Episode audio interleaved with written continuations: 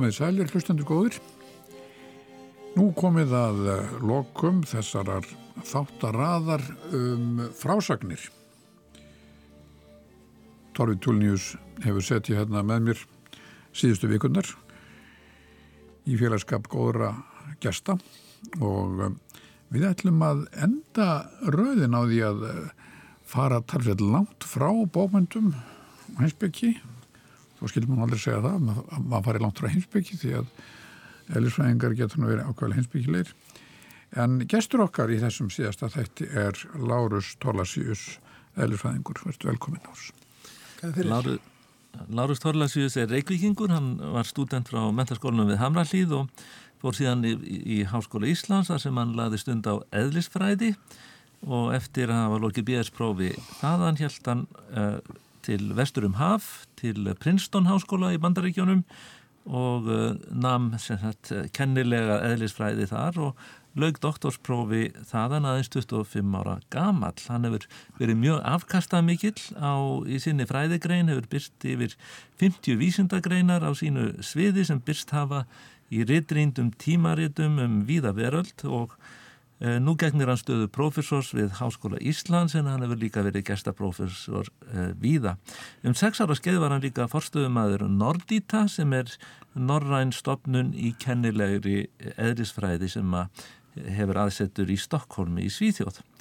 Það er óhægt að segja að eh, Lárus Torlasjús sé einn af okkar fremstu vísindamönnum en hann hefur líka sínt að honum verið einstaklega lægið að gera grein fyrir flókinu þekkingu nútíma eðlisfræði á skýran og aðgengilegan hátt og, að, og ofan á það bætist að það er á mjög góður í íslensku æfinlega og get, hlustendur geta kynst þessu að veginn raun til dæmis með því að lesa ingangin sem Lárus skrifaði að bók Stephen Hawking um sögu tímans.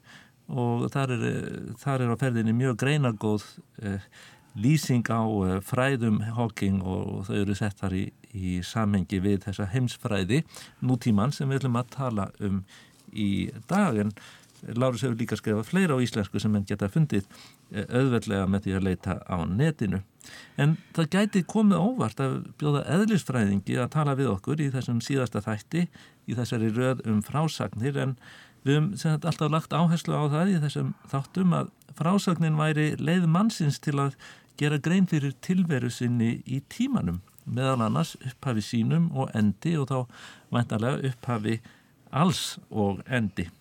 En hvað segir eðlisfræðin okkur um þessa tilveru ef meiri segja tímin á sér sögu? Eða með öðrum orðum er hægt að segja sögu að því sem til er handan tímans. Er heimsmynd nútíma vísinda að einhverju leiti handan frásagnarinnar? Og uh, þetta er það sem við ætlum að ræða við Lárus í dag en kannski ætlum við að byrja á því að byrja hann um að segja okkur sögu og reyndar tvær sögur. Fyrst hvernig varð heimsmynd nútíma vísinda til? Og síðan kannski hvernig þessi heimur, hver er saga sagan þeim sem nútíma vísindin sjá fyrir sér af tilurð og afdrif þessa heims? Og þegar að Láris er búin að segja okkur svolítið frá því þá ætlum við að kannski að ræðum það hvort að þessi heimsmynd gerir kröfu til okkar að hugsa utan við frásagnina en Láris, þakka þið fyrir að vera hérna með okkur hvernig var, var þessi heimsmynd til? Já, heimsmynd nútíma eðlisvæði, hún er afurð lang, langrar sögu afurð hérna vísindarlega aðferðar mm. skulum við segja mm -hmm. þessi vísindarlega aðferð sem er samspil millir þess að gera aðtöganir á gera agaðar aðtöganir á, á umhverfi okkar og, og bera þær saman síðan við þær hugmyndir eða kenningar sem við höfum og nota annars vegar þegar að niðurstöðunar er í samræmið við kenningarnar þá þá festast kenningarnar í sessi en kannski það sem er meira áhugavert að þegar aðtöðaninnar eru ekki samræmið við kenningar þá eru vísindin alltaf reyðubúin að hafa það sem sannar að reynist og endur skoða þá sína kenningar. Mm. Þannig að þessi heimsmynd sem við bjóðum upp á í dag í eðlisfræðinni, hún hefur verið í stöðri þróun mm -hmm. og hún hefur breyst mjög mikið eh, jafnvel bara á síðustu áratugum en þó sérstaklega mikið á, á síðustu öld 20. Mm. öldin í rauninu umbildi heimsmynd eðlisfæðinar mm -hmm. og þar kannski ber hæst svona tvær höfuð kenningar 20. aldarinnar. Það er annars vegar afstæðiskenning Einsteins sem hann sendi frá sér í upphafi aldarinnar í, í tveimur mhm. hlutum. Það var annars vegar hinn takmarka afstæðiskenning og svo almenna afstæðiskenningi sem felur í sér þá tökmörku og það er kannski fyrst og fremst almenna afstæðiskenningin sem að, að snýrað heimsmynd okkar. En svo er hinn höfuðkenning uh, nútíma eðlisfræði sem er skamtakenningin. Mm. Skamtafræðin hún snýr að hinn smáa í tilverunni. Uh, hún snýr að því úr hverju efnisheimurinn er, hvernig eru við samsett, uh, hverjir eru frum einingar efnisins, hvernig hafa þær áhrif hver á aðra og síðan tengist þetta saman afstæðiskenningin og, og skantafræðin ef við viljum velta fyrir okkur grundvallarspurningum um upphaf alheimsins einmitt, um þess að svo kallu heimsfræði. Heimsfræði er í rauninni bara fræðin um upphaf, þróun og eins og þú segir örlög alheimsins. Nú, þetta, er, þetta, er, þetta er í raun og veru fræði um frásögn, skulum við segja, eða það er hægt að klæda þessi fræði í form frásagnars. Já, náttúrulega fræði eins og við setjum þau fram eru alltaf frásagnir. Uh -huh. Þess að við tjáum okkur í frásögnum. Uh -huh. Við um, framkvæmum jú vissulega tilraunir í eðlisfræðinni. Það er endur eðlisfræðin orðan svo sérhæfð að, að það eru sumir sem framkvæma tilraunir og svo eru aðrir sem að, að kannski sinna meira fræðunum. Það er orðið mjög sjálfgeft að fólk sé virt í hverju tökja. En það eru framkvæmda tilraunir það liggja fyrir niðurstöður, það er síðan alltaf þarf að framkvæma alls konar próf á þeim að sjá að maður vilja treysta þessum tölum sem koma út en síðan kemur að fræðunum og þá snýst þetta um að tólka niðurstöðu tilhörnuna mm. og tólkun er náttúrulega ekkit annað en frásögn mm -hmm. Um, og við getum sagt að annarsvegar, hún er reynda tvíþætt hún er frásögn á tungumáli eljusæðinar eða tungumáli raunvísandana og það er nú eiginlega kannski kemst mjög nálægt til að vera tungumál starfræðinar. Mm -hmm. Það er að segja við höfum þróað með okkur svona aðferðafræði við að tólka niðurstöðu tilröna, við að segja fyrir síðan um niðurstöðu nýratilröna sem byggir mjög mikið á, á starfræði mm -hmm. og fyrirfram hefði ég nú sagt að svona þegar þessi vísindagrein var að, að spretta fram að þá var það nú ekkit alveg ljóst fyrir fram að þetta væri rétt á tungumálið, en þurfti mm. að mhm. leita af því og eitt af náttúrulega stó, stór afregum Newtons á sínum tíma var mm. það að, að hann þurfti hreinlega að búa til þá starfræði sem hann ætlaði að nota, hann þurfti að búa til tungumáli fyrst, mm. þar bjóð hann til starfræði greininguna. Kanski einmitt að segja okkur aðeins frá því hvað Newton er mikilvægur, ekki bara með, af því að hann bjóð til starfræði greininguna heldur líka hvernig hann mótar þá heimsmynd sem að kannski eh, var til staðar fyrir 20. aldina áður en að henni var rutt út eða eh, henni var breytt með uppgötunum meðal annara eh, Einstein Já, þannig að Newton setur fram sem sagt, hann lýsir uh, veröldin í okkar svona daglegu veröld að runna mjög knappan hátt mm -hmm. það má segja það sem við kallum síkilda elisfræði sem er svo elisfræði sem við sem að lág fyrir í lok 19. aldar að henni má lýsa, maður kennst mjög langt ef maður kann, svo kallir lagmál Newtons, þetta er náttúrulega sem að nefnendur í, í mentaskólum og háskólan þurfa kljást við mm -hmm. en ef þú, og þau eru ekki flókin að setja fram þessi lagmál, það eru þrjú lagmál Newtons sem maður þarf að kunna skila á, en það er kannski líki latri að maður þarf að kunna skila, maður þarf að not, kunna beita þeim og ef maður kann það, þá getur maður rauninni líst um, síkildræðilisvæði að, að miklu leiti. Svo bætins nú reynda við að maður þarf líka að, að læra á sagt, um, um rafsegul fræðina, maður þarf að læra um, um rafleðslur og þeirra áhrif. Mm -hmm. Newton, að, að kannski það kom setna.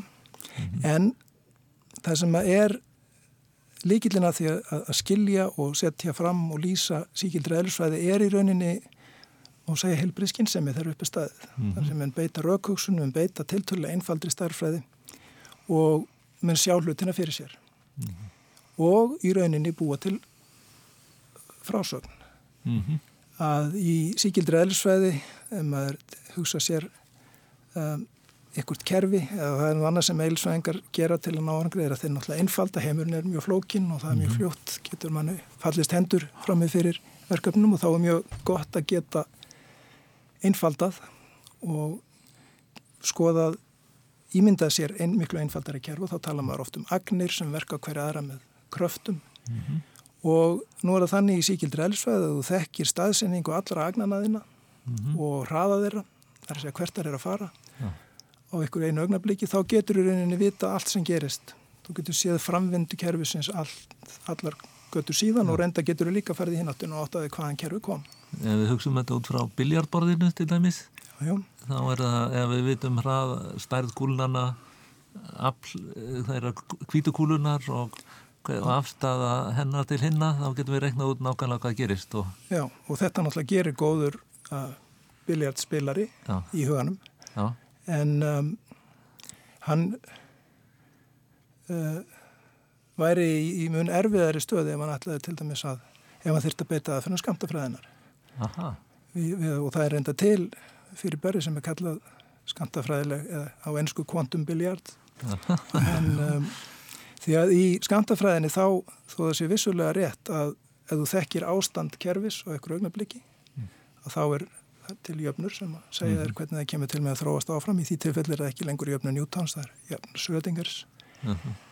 en ástandið sem þú hefur til að vinna með að það er svolítið frábriðið þessu ástandi sem er í í um, síkildælusöðinni mm -hmm. Þannig að þegar skamtafræðin kemur inn er ekki Níls Bór sem er svona einn af höfundum hennar? Hann er einn Einstein reyndar en nú einn aðal höfundur hennar líka Já þá, þá riðlast einmitt þessi síkildakenning Newtons? Hún riðlast að því leitinu til já að við getum ekki lengur líst það er að við getum líst ástandinu en lýsing okkar ástandi er, er takmörkuð því leitað um, við getum ekki lengur sagt fyrir um staðsetningu og það allra agna og, og uh, hvert það er að fara eða hraða þeirra með, með mhm. fullri vissu mm. Það væri alltaf munur á að frásögn sko biljartspilarans og, og, og eðlisfræðingsins. Það er að segja að biljartspilarinn kannski hefur ekki neina fasta aðferð eins og eðlisfræðingurinn hefur með sínu starfræðilega tungumáli. Nei. Það er bara að segja ég gerir þetta og ég gerir þetta. Já og, og náttúrulega þegar á reynir ef að eðlisfræðingur ætti að, að, að, að segjum forrita velmenni til þess að spila biljarda þá er það nú mjög erfitt verkefni því að þetta þarf nú ansið mikla fínstilling og goða fín reyfing og, og en hvað er það ef að við erum með sagt, það er tvent sem gerist þarna í upphafið 20. aldar annars vegar kemur skandafræðin og hún innleðir það sem við kallum óvissu og það er óvissu mm -hmm. lögmáli þetta eru Schrödinger og Heisenberg sem mm -hmm. komað þarna í kjölfar Bors og, og Einstein Um, þetta er svona á þriði áratug síðustu mm -hmm. aldar. Óvissulega máli er, er, er, það, er það rétt hjá mér að það er þessi óvissað um hvort að þetta allra smæsta sem við vitum sé bilgjaða ögn eða? Já, í rauninni kemur það fram í því já að það er þegar þú skoðar eða allra smæsta að þá verður að taka tillit til þess að það er, eru bilgjur. Um, þannig að agnir eru bilgjur Eh, reyndar eru það sem við erum nú vön að hugsa um sem bylgjun eins og til dæmis ljós mm -hmm. það er alveg hægt að hugsa um það sem ströym agna mm -hmm. og það sem maður hefur orðið að venja sig við og elsfængar hafa orðið að sætta sig við á, á 20. stöldinni er að maður verður eiginlega bæða hald og sleppa Já. það er að segja sama kerfið það getur haft eiginleika bylg, hafa bylgju eiginleika en það getur líka verið agnir þetta er kallað tvíeðli efnisins mm -hmm.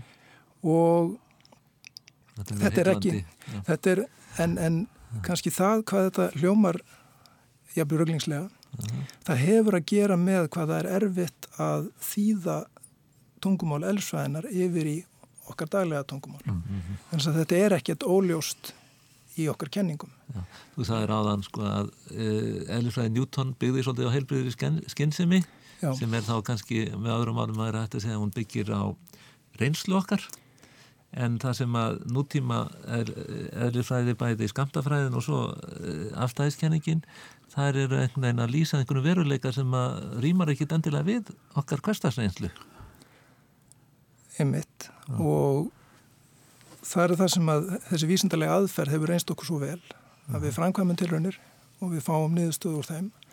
Og það eru þær sem að, að við, við notum til þess að móta kenningar okkar.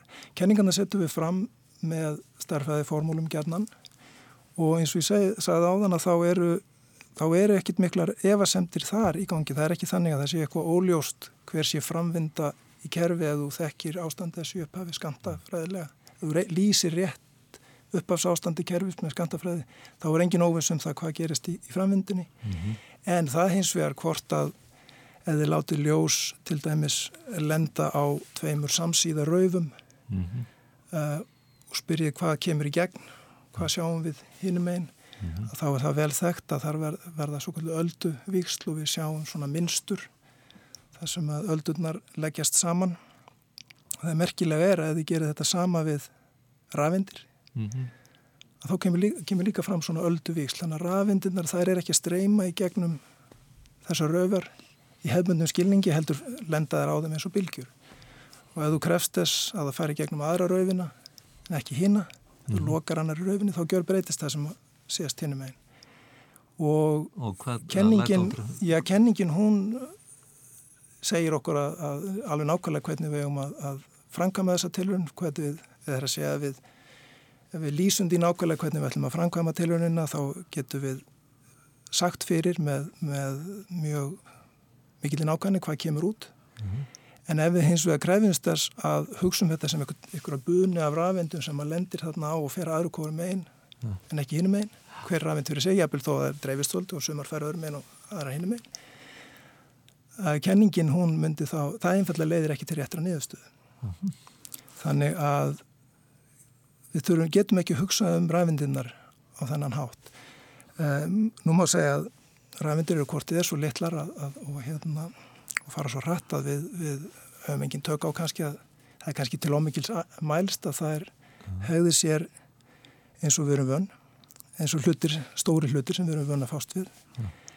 en þá hafa menn geta, geta menn reynd að tengja þetta og það er mjög fræg hugsunatilrönn sem að Schrödinger setti fram mm -hmm. sín tíma til þess að, að skerpa á þessu sem er um, um, um kött Schrödingers. Ja, þar sem að uh, það er náttúrulega að setja þetta fram á mismunandi vegu en maður getur ímynda sér að, að þú setur upp tilhörn og ég er nú kannski ekki að, að mæla því bót að kannski siðferðislegar álita málum það hvernig maður myndi gera svona tilhörn en hún er sett upp þannig að, að það er sett geistlevirt efni í, í grend við gækernemo og það er stilt upp þannig allir með svo einni klukkustund og þá væri líklegt að gækernemin myndi tellja eitthvað þetta er svona slempið ferli sem ekki er hægt að segja fyrir um með mm -hmm. fullri vissu hvað, hvað kemur úr en ef, ef við stillum þetta nú af þannig að gækir nefnin að hann eigi, að vera búin að telja tíu sinnum mm -hmm. með 50% líkum eftir, eftir uh,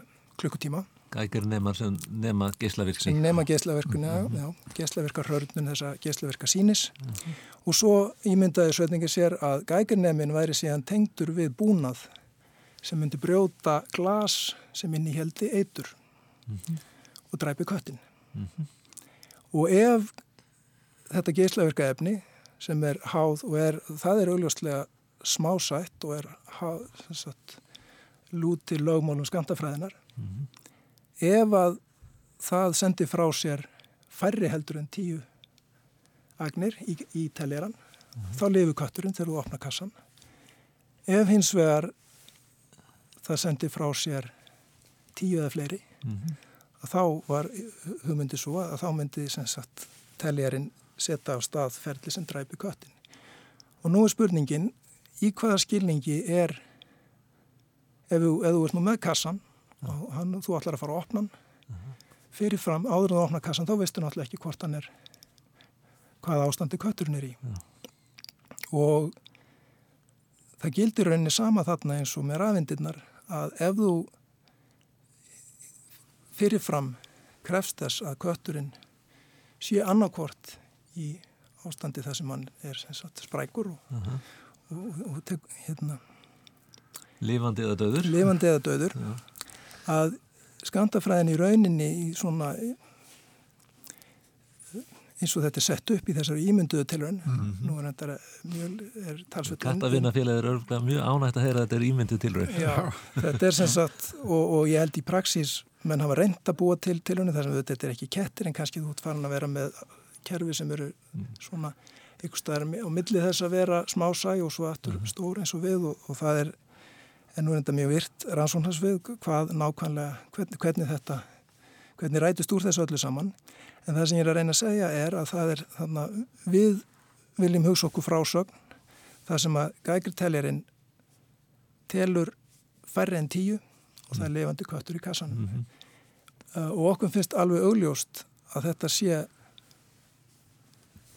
annað ferli heldur en það sem gægirteljarinn telur tólvagnir segjum mm -hmm. og kötturinn lifir ekki. En ef þú berði þetta saman við síðan í rauninni þetta skamtafræðilega ferli sem þú vart að lýsa sem gækartellirinn er að nema þá er það alveg sambærilegt við það sem ég talaði um áðan það sem að maður rafindur þurfa að velja sér að fara í gegnum eina rauf frekar en aðra mm -hmm. og það sem við vitum að gerist í skamtafræði er að þar fari gegnum báðar Já. það er að segja að þú tekur ekki tillit til þess að það eru ákveðna líkur á því að þú farir í gegnum aðra og ákveðna líkur að þú farir í gegnum hína að og þú er að leifa þetta hvortveikja um leið mm -hmm. og þá færðan fellir ekki rétt svar ja. og í þeim skilningi er, er raunin er, myndir maður tólka þessu hugsunatiluna að í rauninni áður en rétt áður og opna kassan að þá er kötturum bæði lifandi og döður með 50% líkum hvort Já. og þetta er náttúrulega eitthvað sem að samrýmist ekki alveg og er erfitt fyrir okkur að hugsa um. Nei, þetta er... En, þetta, en þetta er eins og er algjörlega skýrt í því þegar þú setur upp þessa rekninga og reknar út Já. að þá leikur þetta alveg fyrir hvernig kerfið þróast.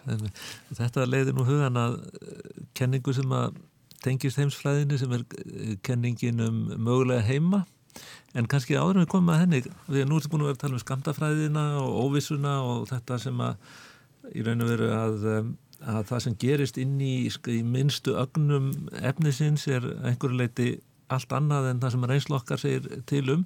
En tölum svolítið um afstæðiskenninguna og uh, það sem hún segir okkur um tíma og rúm. Hvernig uh, augrar hún uh, okkar ja, reynslu miðu svona uh, skinnjun á heiminum? Ja, Það fyrsta sem hún gerir er að hún um, ef við skoðum fyrst bara takmarkuð afstæðiskenninguna. Mm. Takmarkaðarstæðiskenningin er kenning sem Einstein setur fram 1905 og er svona niðurstaða hans til að reyna að átta sig á eftir að var búin að vera rauninni brjóta heiland halsveit lengi um, um hvernig hann getur komið heim og saman um, kenningum Maxwells um, um, um ljós og rafsegulfræði mm -hmm. og mælingum sem að mann hefði gert á, á hraðaljósins mm -hmm vegna þess að við erum náttúrulega vönd því og þekkjum það úr, úr, úr okkar daglega lífi að ef að við erum til dæmis á ferð í bíl á okkunnum hraða og síðan er eitthvað sem hreyfist miða við okkur inn í bílnum að þá er hraði þess sem að segjum til dæmis að við kostum ykkur út um glukkan í bílnum mm -hmm.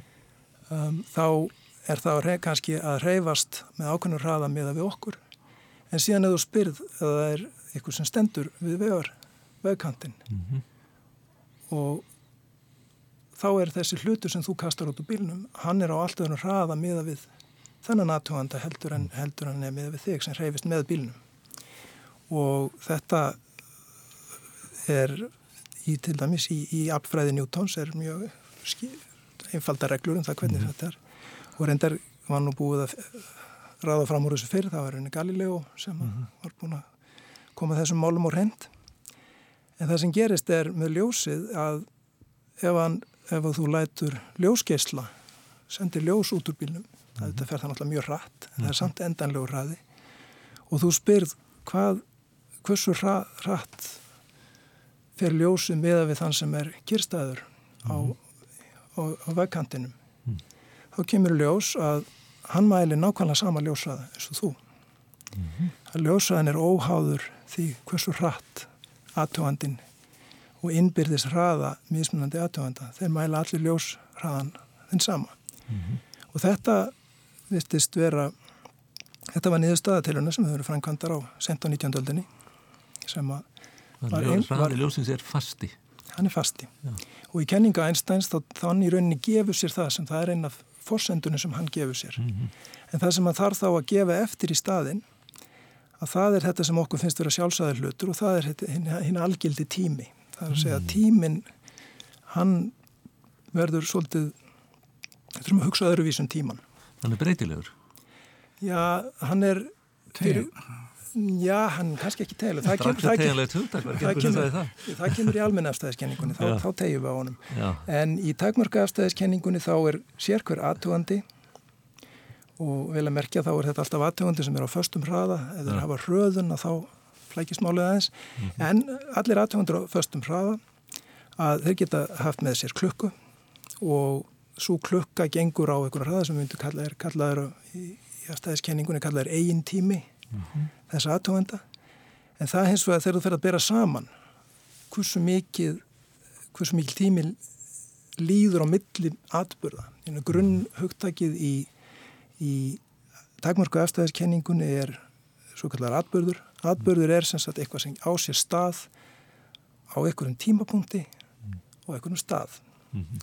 og þegar maður byrjar að velta fyrir sér þessum mála þá þá maður menn að koma sér saman um hvernig við ætlum að mæla fjarlæður á milli. Þannig að þegar maður lærir um takmarku aðstæðaskenninguna þá kemur fyrst svona frekar leiðilegur fyrirlestur um, um, um, um hvernig maður skilgrinni mælistekur og, og, og stekar út rúmið og síðan þarf maður að koma sér saman um hvernig þú ætlar að skilgreina mælingar og það er þá yfirleitt með því að þú ert getur hugsaður að hver aðtóandi hann ber með sér eitthvað kerfi sem að hefur reglulega hegðun. Klukka er ju ekkit annað en eitthvað, eitthvað ferli sem endur tekur sig. Mm -hmm. Hvort sem það er pendul sem sveiblast eða hvort það er eitthvað sveiblur í einhvern kvartskristall þá er það nú yfirleitt það sama sem það er þessi sama grunnhugmynd. Mm. Tím, framvinda tímans er alltaf það er samanburður. Þú berð saman hvað hvað fer pendulum minn margar umferði fram og tilbaka og milli eitthvað að tvekja atbyrða sem ég upplifi. Mm -hmm.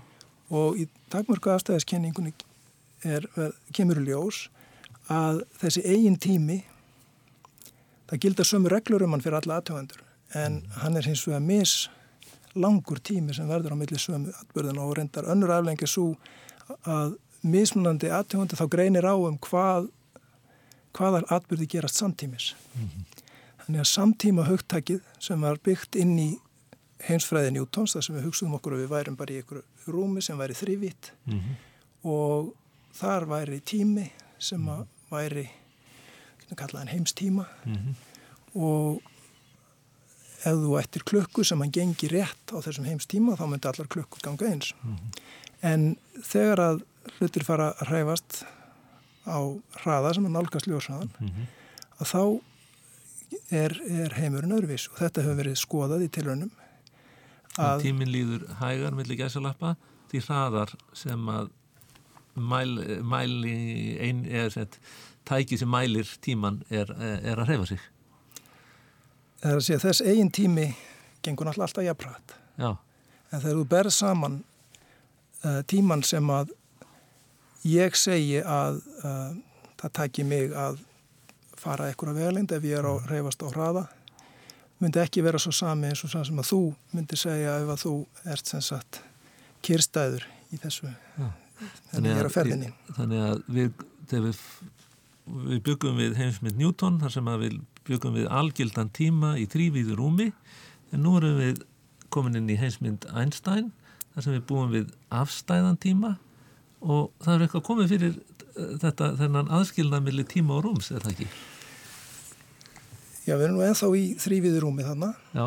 en það er alveg rétt að það er mjög hendugt til þess að lýsa þessum, þessari elsvæði mm -hmm.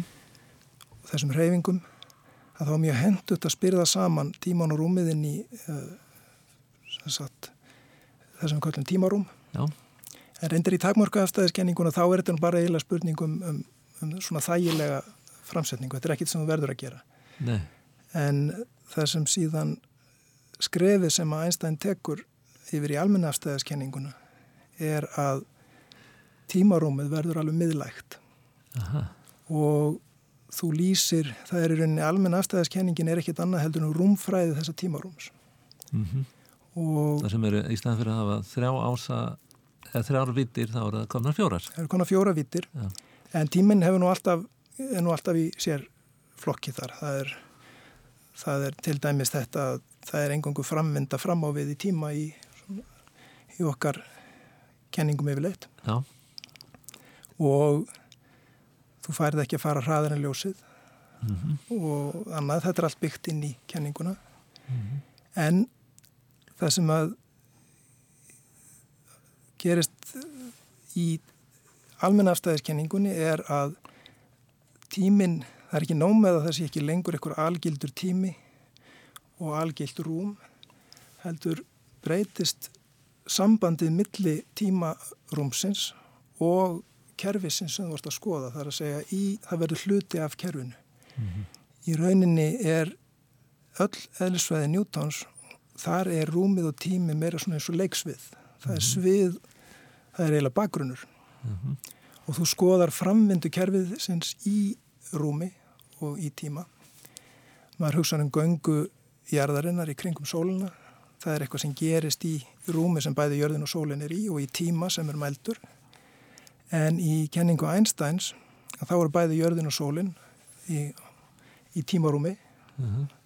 sólkerfisins og í rauninni bæði jörðin og sólinn er í rauninni bara að fara eftir beinni línu eða því sem er næst í að vera bein lína í þessu tímarúmi um, það er Já, þetta er ekki ringur heldur Já, þessi kraf, eh, krafturinn sem að knýrðu áfram er beinlín, eða sett, fer eftir beinni línu en svo er það tímarúmið sem beigir þetta eða hvað? Já, það er endar alveg það er endar alveg aukt það er að segja að uh, þetta, þetta verður aftur svolítið erfitt fyrir mann að, að koma orðum að þessu en, en, en í nynni starfæðin aftur er ekki í nynni vafa undir orpin. Já. maður notar svo kallaða deildarúmfræði sem er grein starfæðinar mm -hmm. og eina af ástæðinu fyrir því að tók Einstein 11 eh, ára að setja fram alminnafstæðiskenninguna eftir að hann var búin að setja fram takmörkuðu var að hann þurfti í raunin að tilenga sér þessa, þessa grein starfæðina sem var nú svona tiltullan í þá mm -hmm. en minnst kosti var hann nýstarleg fyrir eðlisvæðingi mm -hmm. og þetta er grein starfæðina þess að þú tekur þessa efklísku rúmfræði sem við lærum um í, í barnaskóla og í, -hmm. í, í mentaskóla og þú, uh, hún er alhæð yfir í rúm sem að geta haft einleika sem kallar sveia. Uh -huh. Sveigð rúm er nú reyndar mjög kunnuleg, við, við búum á sveigðu yfirborðið, yfirborðjarðarinnar er kúlu yfirborð uh mhm. -huh. og það inniheldur, það, í því er innbyggð sveia -huh. Mhm. og, og það er reyndar, gildir þar líka að, að það er hægt að taka, sem sagt, hugsa sér hvað er bein lína á jörðinni Í auklísku rúm er bein lína hugtak sem var, og maður veit til þess að tvær beina línur eða geta skorist í einum punkt en það skerast mm. á aldrei ett annar staðar. En hvað er bein lína á yfirborðið jarðarinn? Það eru svo kallega stórbögar. Ja. Til dæmis lengdabögarnir eru það sem kemst næst í að vera beina línur. Og ef þú hugsaðum lengdabögarna... Já, og þessar beina línur eru sveigðar? Já, þær eru sveigðar ef þú horfir á þetta frá þreymur, frá þrýðurúmi, það er alveg rétt. Uh mhm. -huh. En það eru líka sveigðar ef þú hugsaði þér ykkur að veru sem getur bara færst í, á yfirborðinu og hefði engar, enga, enga leið til þess að vita að það væri þriðja vítin. Uh -huh. Slíka tvíviða veru myndi líka álegt að það væri sveia vegna þess að tökum punkt á yfirborði kúlnallimis Norðupólinn, þar mætast uh, mismöndi lengdabögar uh -huh. uh, undir 90 gráða hotnisægum, veljum tvo þannig.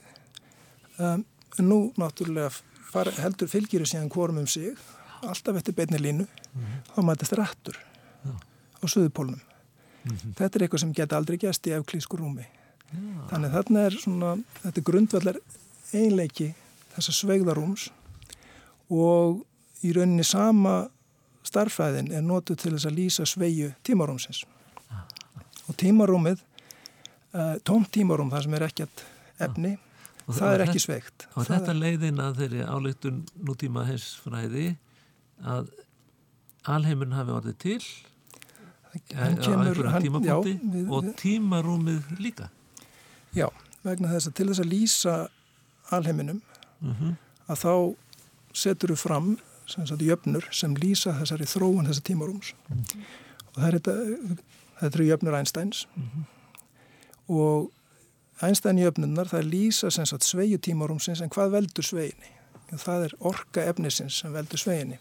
Þannig efni og Einstein var nú reyndar áður búin að benda á kannski sinni frægustu jöfnu Ég er, er sama sem MC í öðru veldi. Þeim segir okkur nákvæmlega það að ef við höfum massa efni efni sem ber massa þá er það jáfnframt forma orku. Já. og Markvaldað með með ljósræðanum í öðru veldi. Já, það er svona til að fá einingarnar -huh. til að ganga upp, mælivítirnar en þannig efni veldur sveiju og ef þú ert með mjög, mjög þjætt efni þá veldur það mikill sveiu uh, og mikill massi, hann, hann ætti þá að sveia tímarum með tiltöla mikið og mest í massin náttúrulega í okkar nákvæm er í sólinni Já.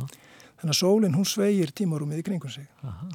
og þetta, þessi kenning hún segir til dæmis að efni það sveigir tímarumið í kringum sig en ef þú síðan spyrð þegar þú þegar það liggur fyrir þessi sveia þessa tímarúms mm -hmm. hvernig reyfist efnið þá í þessu tímarúmi mm -hmm. og þá reyfist það eftir þessi sem kallað eru gagnvegir sem mhm. eru styrstu leiðir á milli, milli staða, það eru það sem eru beina línur í efklísku rúmi mm -hmm. þannig að í raunin er jörðin á sinni göngu um sólina sem við kallum í okkar svona þrýviða Newtons hugsunarhætti mhm. hún er í raunin að fara eftir sinni beinu línu og hún fer alltaf við þráðbeina línu í rauninni í, í tímarúminu. Mm -hmm. en það er ekki fyrir að við, við einblínum bara á þessar þrjá rúmvítir að við sjáum hann að fara í, í lokaðan feril í kringum spórböðu í kringum sóluna og þannig annars vegar hefur sveia tímarúmsins og hún segir okkur hvernig efnið reyfist mm. og við getum sagt fyrir með mjög mikilinn ákvæm þetta við verum mjög vel prófuð þessi kenning um það, um göngur eikistjarnana og frávik frá, frá eðlisvæði Newtons sem við getum sagt fyrir um og, og, og hafa síðan verið mæld. En ég framt að þá er tímarumið orðið hluti af kerfinu vegna þess að efnið hefur áhrif á það hvernig tímaþrómið þróast. Nákvæmlega. Og það sem Einstein gerði fyrstur held ég, nokkuð öruglega, var að beita þessari nýju kenningu sinni á alheimin í held sem eitt mm. kerfi og ef þú gerir það þú þarfst náttúrulega að gera ráð fyrir svona frekar gera einfaldanir til þess að fá mm -hmm. niðurstuð sem getur reiknað út en þá komi ljós að alheimurinn hann er ekkert svona kyrstaður eins og kannski Newton hafi eh, eða menn hafði svona álíktað út frá mm -hmm. tíma Newtons að það er að segja Rýmið væri óendalegt Það geði mér ráð fyrir að það veri óendalegt rými ja. og þarna væru reyndar vann og kannski þessi hugmyndum aðra vetrabrautir, hún var nú svona í gerjun þannig á þessum tíma líka, -hmm. það var ekki alveg ljóst hvað, hvernig þetta væri nú allt saman, en, en það var nú samt þessi hugmynd að stjörnurnar þar værið þarna úti mm -hmm. um, og um, hefðu, og í rauninni væri, væri alheimurinn þetta, þetta rúm sem að kannski væri stjörnurnar allra að reyfast og vetrabrautirna líka, það gæti vel verið, en, en rúmi sjálft var bara þarna fyrir þær til að reyfast í, mm -hmm. í, í, í heimsfræði Newtons. En það sem breytist með Einstein er að þetta rúm, það í rauninni, tímarúmið, það verður háð því hvaða efni er í því og ef maður gerir svona einfaldar, þá má segja, sem við þurfum að sætt okkur við er að, að, að við sjöum engan hátt sérstök. Uh -huh. Þannig að það er einn megin fórsenda nútíma hensfræði er að við búum á dæmingjörðum stað í, í, hérna, í alheiminum og, og það er ekki þannig að, að, að það má segja að það hugmyndi Kopernikusar eru núna komnar í rauninni alveg og takk tak, fara eins langt með það eins og hægt er að jörðin er, er sem sagt um, gengur um dæmi gerða sól í, í frekar venjulegu sól hérna, -hmm. venjulegri vetrabröð Við erum eins langt frá því að vera miðið alheimsins og mögulegt er En á sama tíma þá eru við jafn mikið miðið alheimsins og allir aðrir. Já, er, það er enn fórsenda heimsveðan að allir staðir séu jafngildir. Já. Auðvitað getur maður sagt að það er augljóst að það er ekki allir staðir jafngildir. Ef, ef, til dæmis það er ekki jafngild að vera inn í sólinni eins og að vera á yfirborðið jarðarinnar. Uh mhm. -huh. Þannig að við verum að hugsa þetta aðeins í því samhengi að við verum að skoða allan alheimin Já.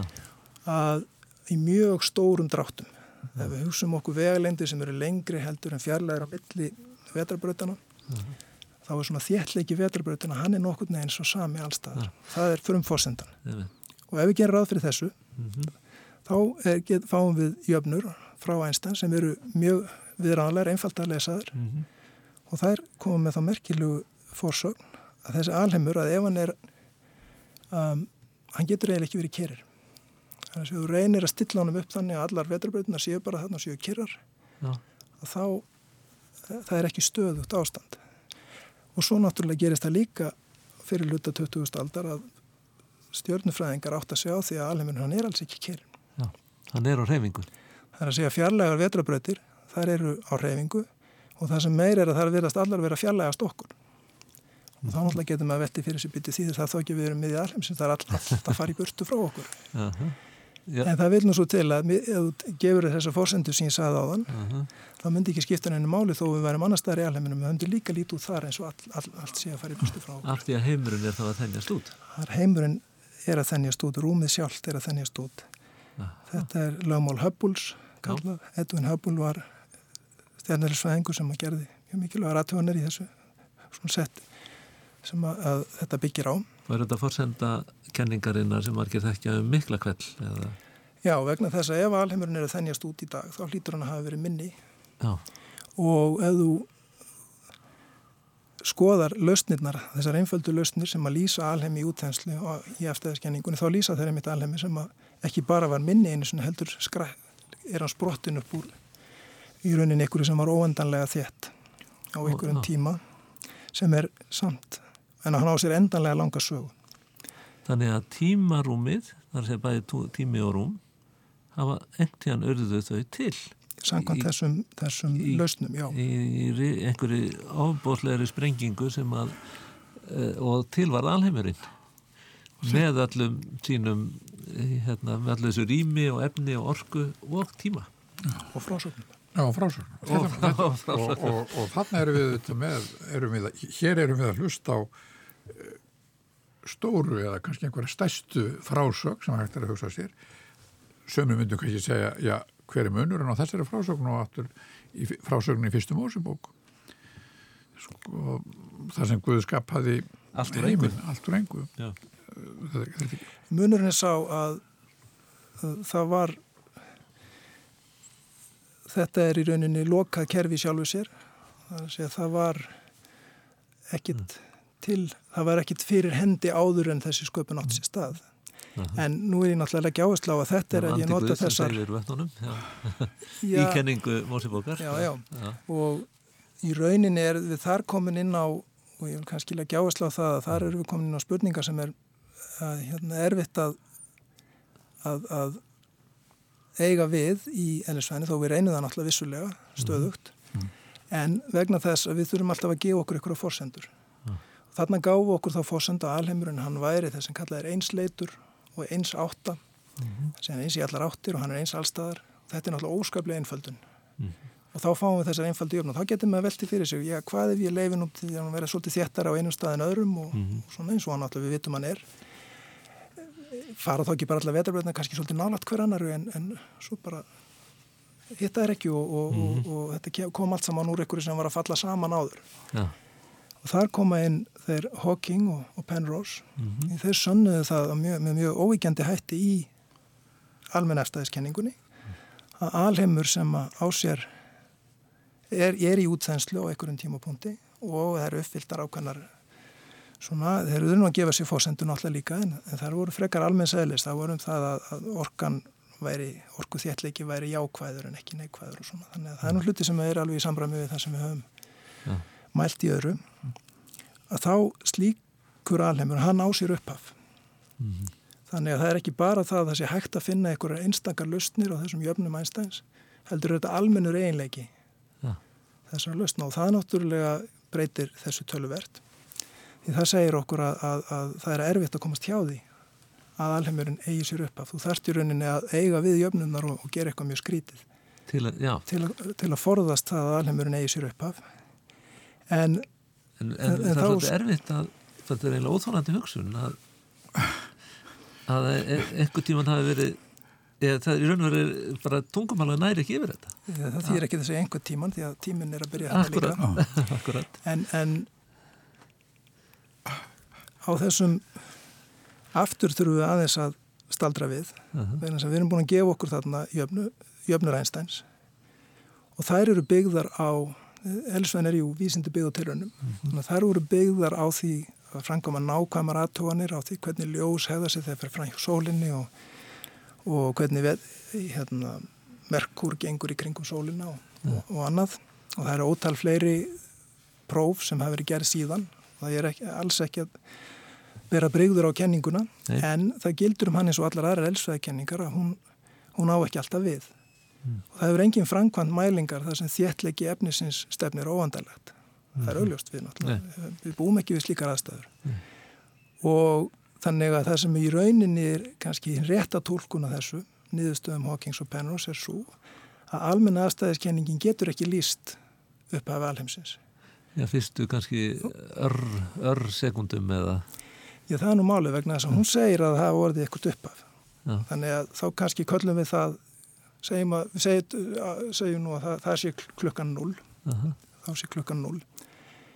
Almennastæðiskenningi segir að það hef enga merking að spyrja hvað gerðist fyrir þann tíma. Um, hún segir okkur að, að þarna spratt fram þessi heimur í mikið og þetta er náttúrulega mesta sprenging sem maður getur ímynda sér mm -hmm. en þetta er ekki sprenging í vennilegum skilningi því að vennilega hugsaum við um sprenginga það gerist eitthvað starf og það þennst út afurðirnir af sprengingunni þar berast út í rúmið ja. þannig er sprengingin að mynda rúmið líka mm -hmm. þannig að í rauninni var upp af alheimsins þannig að að það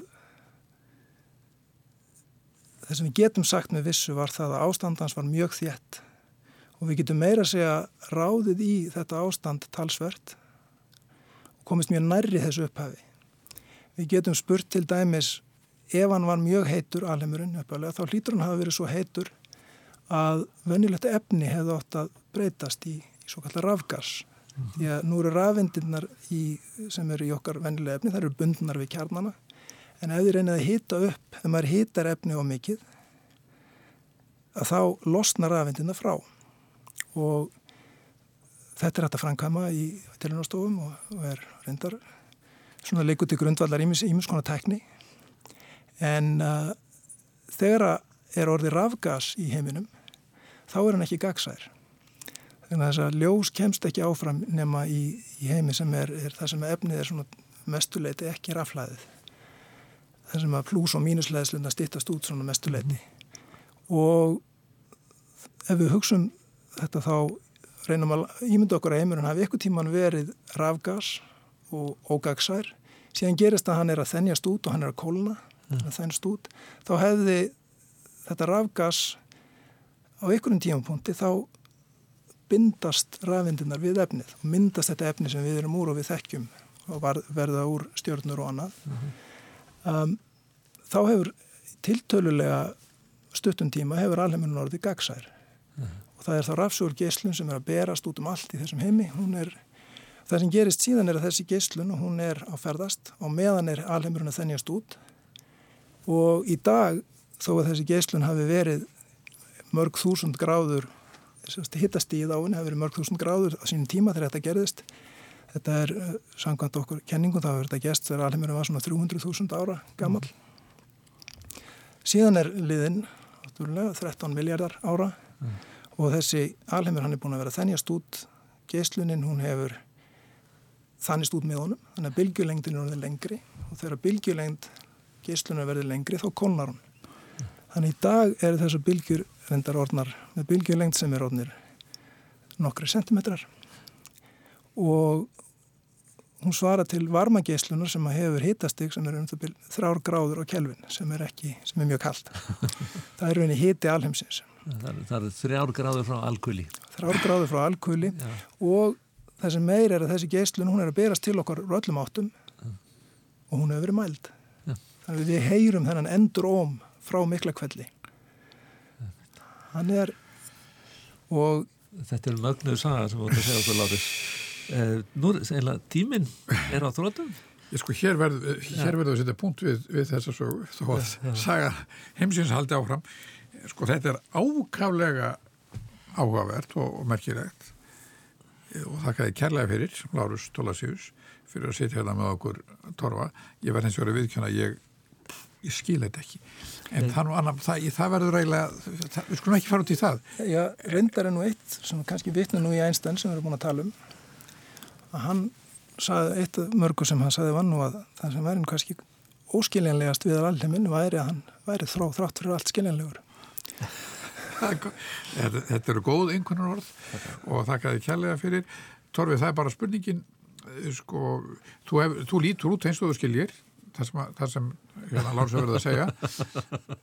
En ég held að ég skiljir svolítið að því að Lárus er eitthvað lægið að skýra þetta á góðu og já, skýrumáli. Já, já, þannig að sko við erum búin að fara hér bísna langt ferðalag í, í því að, að taka dæmi, segja frá og skýra frásagnir rétt og við erum búin að koma mjög við að við, við erum verið alveg við erum verið að tala við eh, fólk í félagsvísundum, fólk í, í hugvísundum og svo erum við líka að tala við praktikanta, við erum að tala við sálgreini, við erum að tala við fjölmiðlamann og kveikmyndagerðamann og ég myndi segja svona niðurstaðan af öllu þessu, þessum samræðum okkar sem eru, hvað, þetta eru tólf mann sem við erum að tala við er að frásagnir eru svona eila mennskan í okkar, okkur. Kemur fram í frásagninni bæði það að geta gert grein fyrir okkar reynslu, hvort sem hún er tilfinningarleg, tilvistarleg eða eitthvað eða því en líkt eða í einmitt sem kom fram í, í, í þessum síðustu orðum Lárusar í þessum þætti er að, að þessi, það er þessi mennska í okkar sem knýr okkur til að klæða jafnvel sögu alheimsins, jafnvel sögu þess sem er handan við kannski hverstagsreynslu okkar í frásögn. Þannig að, já, er ekki bara frásögnin leið okkar til að skilja okkur bara, og heiminn? Við skulum bara ákveða þá og halda því fram start á stöðut og uh, Lárus eh, Tólasjus bestu þakkir fyrir að vera með okkur í dag og Torfi, ég vil þakka þér kjærlega fyrir samstarfið. Takk þessari leiði Sævar og, og, og bendi hlustandum á að eftir viku þá hefst þá hefjast hér eða hefst hér uh, næsta röð samtala sem verða um uh, ríkisvald og trúarbröð Lára Magnúsardóttir sagfræðingur verður hér við hljónamann. Takk fyrir í dag.